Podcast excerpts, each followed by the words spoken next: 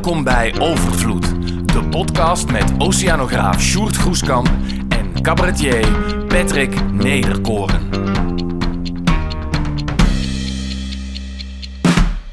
Vanavond hebben Sjoerd en ik de voorstelling Overvloed gespeeld in het Kruispunt in, eh, in Barendrecht. Fijne avond. En nu hebben we weer eh, een gast, Michiel van der Wel. Hartelijk welkom. Jij bent manager bij Opnieuw Co. Dat is het kringloopbedrijf van de Drechtsteden. Zullen veel mensen hier in de zaal ook, eh, ook kennen.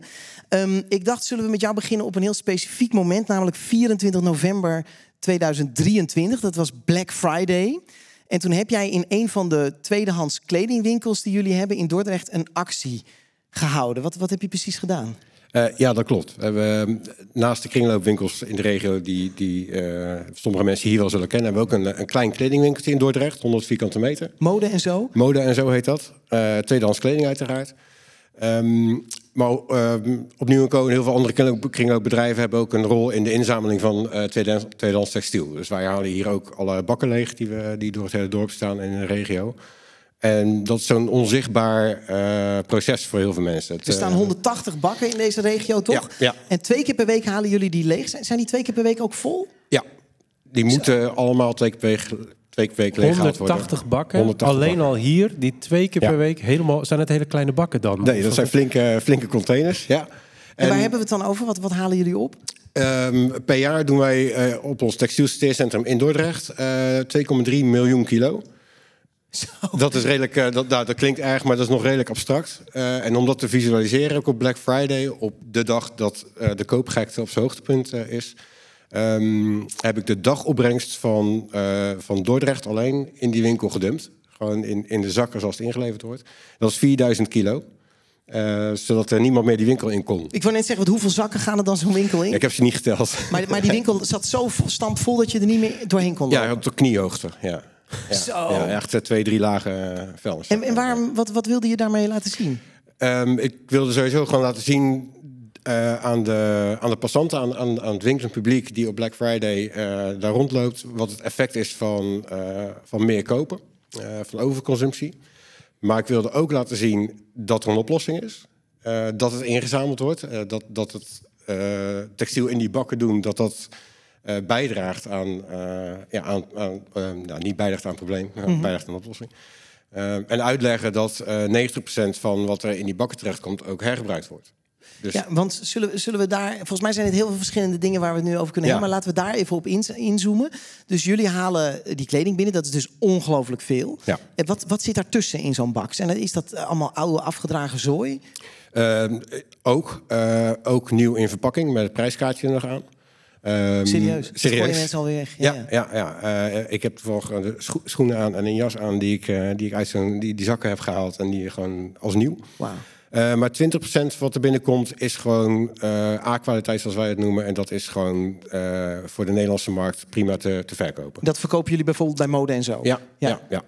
Um, dan is er nog eens een keertje 50% wat als kleding nog uh, verkocht kan worden. Maar dat gaat vaak naar Oost-Europa of naar België. Uh, waar het wel weer België, als, als kleding ja. in de markt... Ja, Wallonië gewoon specifiek. Een heleboel, maar, ja, precies. Ja. ja. dat, weet, ik niet precies. Maar uh, daar zit een handelaar die het bij ons opkoopt. Ja. Dus daarom we weten dus waar het naartoe gaat. Um, en dat wordt dus, dus nog als kleding gebruikt. En dan is er nog ongeveer een procent of twintig wat als grondstof hergebruikt wordt. Dus dat sorteren we niet in per kledingstuk, maar per uh, soort, uh, per materiaal. Ja. Dus op wol, katoen, noem maar op. Um, daar wordt isolatiemateriaal van gebruikt of nou, alle andere toepassingen. Dus dat wordt hergebruikt en ja. dus de, de, de, huizen worden tegenwoordig geïsoleerd met restanten van kleding? Ja, daar, volgens mij gaat het vooral naar de, um, uh, de auto-industrie. Dus uh, isolatiemateriaal in de, de, de hemeltjes van, van, van het dak van je auto en dergelijke dingen. En hoeveel ja. blijft er dan over wat jullie echt moeten vernietigen? ongeveer 10%. En van die 10% is 5% onnodig. Um, maar we zien ook dat mensen wel eens denken: Goh, die frituurpan, ik heb niet zoveel zin om het vet te gaan vervangen. En er staat een kledingcontainer, dus ik gooi hem daarin. Oh. En door het vet wat uit die frituurpan komt, wordt kleding vervuild, waardoor je het niet meer kan gebruiken. Um, en dergelijke. Maar ongeveer 5% is gewoon afval wat in die bakken gegooid wordt uit gemakzucht of uh, onwetendheid. En daardoor vervuilt nog eens een keertje 5% goed bruikbare kleding. Ja. Maar dat betekent dus, want jij zei over het signaal wat jullie met die actie wilden laten zien. Het, bij die eerste 20% zit het er dus in dat we misschien wel heel erg veel spullen kopen en hebben. Hè? Dus eigenlijk is het signaal dat dat al veel minder zou kunnen zijn. We hebben een podcast aflevering gemaakt met Monique Drent. Dat ging over dat er ik geloof dat de kledingindustrie bijna 10% van de CO2 eh, jaarlijks uh, oplevert. En dat er 8 miljard kledingstukken per jaar gemaakt worden. En dat er kledingstukken zijn die één, twee keer gebruikt worden. ja, ja. Ongelooflijke aantallen natuurlijk. Het tweede wat je wilde aantonen is dus dat die kringloopwinkels eigenlijk best wel effectief zijn. Hè? Dus dat ze heel veel doen. Want als we het daarover hebben, over de, de, duurzame karakter van, van kringloopwinkels, niet eens zozeer alleen maar van kleding. Kan, kan je daar iets over zeggen? Ja, zeker. Want los van het, het zichtbare, dus uh, mensen brengen gelukkig hun spullen en niet, niet meer altijd naar een afvalbrengstation, maar naar een kringloopwinkel. Um, dat is heel zichtbaar. Dat wordt in de winkel gezet uh, voor een zo, zo goedkoop mogelijk prijsje, zodat mensen met een smallere beurs ook uh, die spullen kunnen kopen. Um, en je verkoopt het door. En dat is natuurlijk het, het, het hele praktische zichtbare deel. Maar ook de spullen waar wij niks meer kunnen, waar de consument geen behoefte aan heeft, kunnen wij wel heel zorgvuldig aanbieden bij de, bij de afvalverwerkers. ah ja. Um, dus ja, we zorgen ervoor dat, dat spullen echt uit elkaar getrokken worden. Dus uh, een, een, stoel met een uh, metalen frame, een houten zitting en een stoffen deel erop. Dat zijn drie grondstoffen. en dat kan je in geheel bij restafval aanbieden en dan gaat het de fik in. Of je haalt het uit elkaar en dan worden de materialen weer hergebruikt.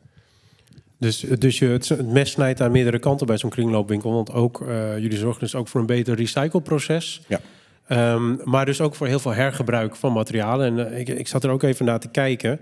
Uh, maar ik begreep dat ergens tussen de 10 en de 30 procent van de uitstoot van een huishouden is vanwege het kopen van nieuwe spullen. Ja. En daarin dragen jullie dus wat aan bij. En, en ik, dus, er zijn niet hele duidelijke cijfers, maar er waren een aantal cijfers die ik kon vinden om een beetje orde grootte aan te geven. Um, er zijn ongeveer 2000 winkels, um, uh, kringloopwinkels in Nederland.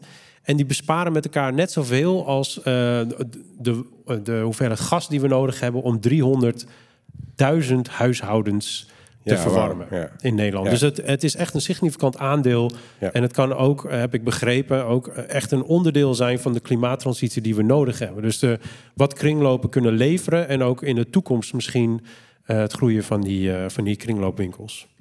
Ja, ja, ik denk dat ik werk nu 2,5 jaar bij, uh, in, de, in de kringloopwereld. En wat mij vooral heel erg verbaasde, is, is de gigantische hoeveelheid. En um, de overvloed die, aan keuze die je ook als consument hebt in zo'n winkel. Dus je bent niet beperkt tot afdankertjes. De, de, de, het, het is veel meer dan dat. Mm. En mhm. dat, uh, dat maakt het interessant, want dat voorkomt dat je nieuwe dingen hoeft te kopen. En voor wie maakt dat interessant? Wat is het, het publiek wat naar een kringloopwinkel komt? Ja, wel heel divers. Maar het merendeel uh, komt niet uit duurzame overwegingen. Het merendeel komt omdat ze geen nieuwe spullen kunnen kopen. Um, en een deel daarvan komt ook omdat ze dus bij een kringloopwinkel moeten winkelen. Omdat ze het ergens echt niet kunnen kopen. Mm -hmm. zeker als het om kleding gaat, merk je dat mensen echt ja, toegewezen zijn tot, tot tweedehands winkels.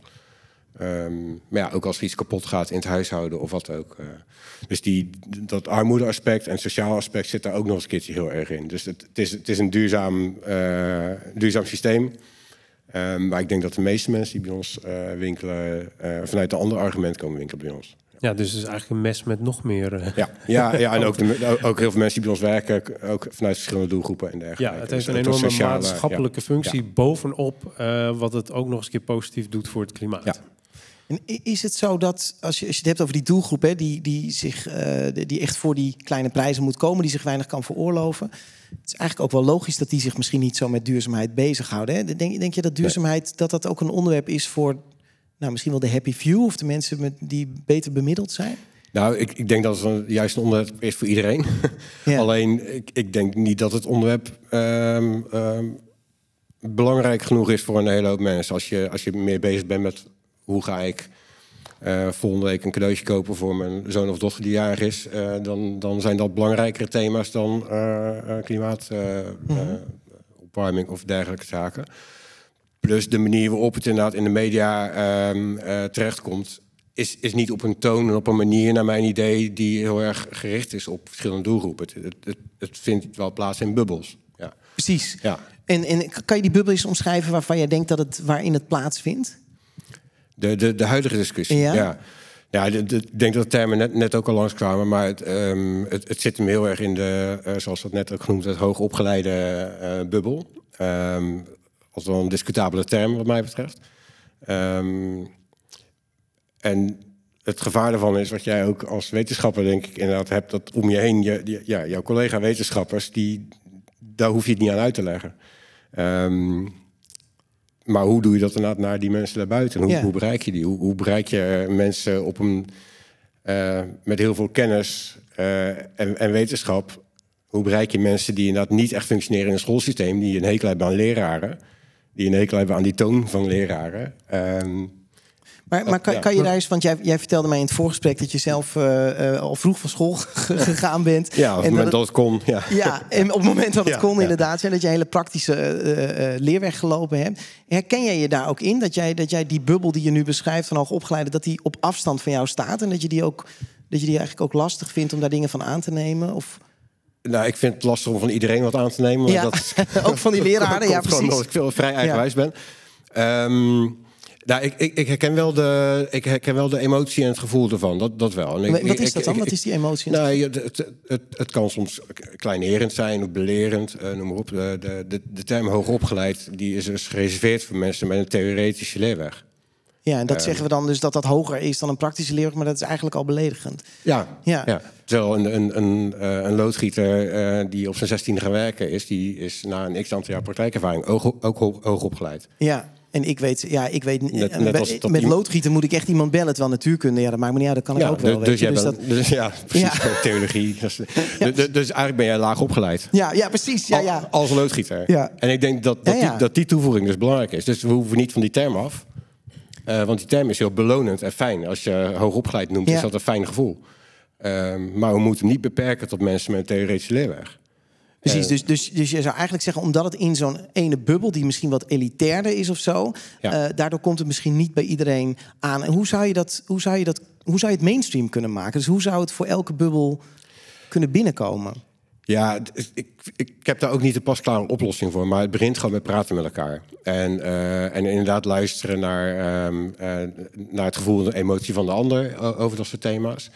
Ehm, en ook inderdaad die, die, die, ja, de, de beloning en de, en de waardering van mensen onderling eh, heel erg op waarde schatten. Ehm, Taal Plus misschien ook? Taal, ja. eh taal, taal, taalgebruik Ja. ook wel, maar daar moet je ook mee oppassen. Want daarmee kan je, als je heel simpel met iemand gaat praten, denkt iemand ook van, je bent toch niet gek? Ja. Dus eh, we- wees vooral jezelf ook wel. Alleen sta wel open voor wat de ander je teruggeeft. Ehm, maar vol- volgens mij is het ook, moet je ook wel kijken in die discussie van wie wil je. Kijk, je wil iedereen meekrijgen, maar ehm, het gaat vooral om. eh, mensen moeten zich verzamelen om dit thema aan te pakken. Dus je moet iedereen wel meekrijgen in een soort van eh, ehm, eh, groepering om een beweging. maar de individuele, het individuele effect van mensen is natuurlijk vrij klein, wat net ook gezegd werd. En zeker voor mensen met een kleine beurs. Ja. Eh, ik heb het zelf nooit uitgerekend, want ik ben niet zo theoreticus. Maar ik kan me voorstellen dat iemand met een kleine beurs een veel kleinere footprint heeft dan iemand met een grote beurs. Zeker, dat blijkt uit elke onderzoek. Ja, ja. Dus je, je, hebt, je hebt een groter Die huis. je- hoge opgeleiden waar jij het over had, Ja. die stoten veel meer uit dan lage opgeleiden. Ze Nee, vliegen veel precies. vaker. Dat vind ik ook iets Ja. opmerkelijks. Ook mensen die iets over klimaatverandering weten, die maken vaker stedentrips met vliegtuigen en dat soort dingen. Het is onbegrijpelijk. Ja, Dus die, die, die, die, ja het is echt, ja, het is echt, Het is waar. echt waar. En, maar Ja. maar wat, wat vind jij? Ehm, want daar ben ik heel nieuwsgierig naar.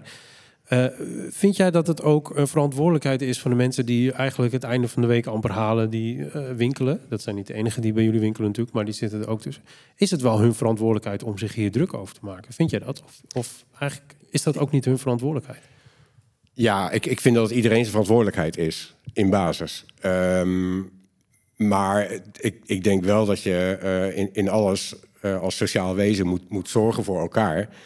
En daarin moeten de, eh, de breedste schouders de zwaarste lasten dragen, is geloof ik een spreekwoord.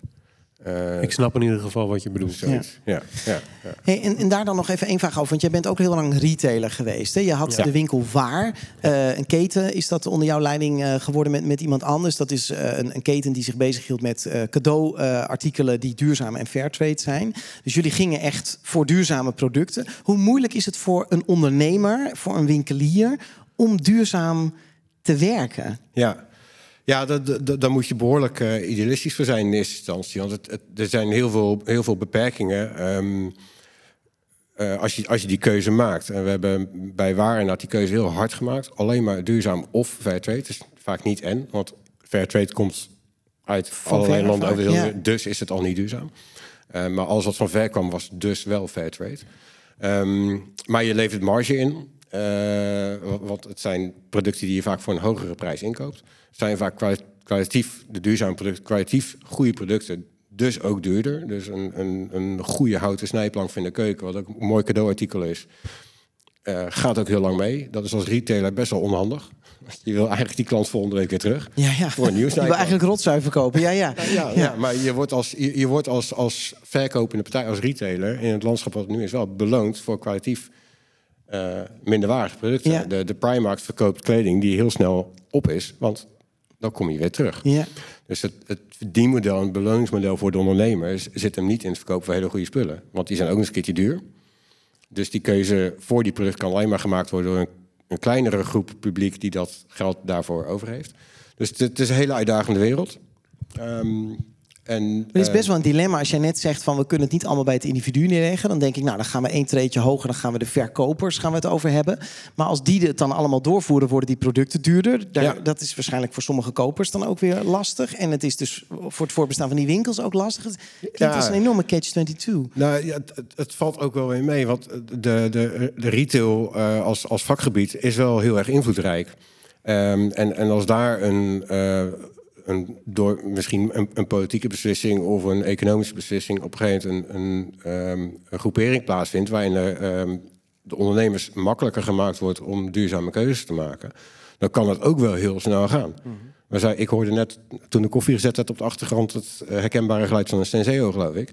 We zijn met heel Nederland in een jaar of drie, vier massaal op Senseo overgestapt. Omdat het op een gegeven moment... Goor. Ja, niet te doen.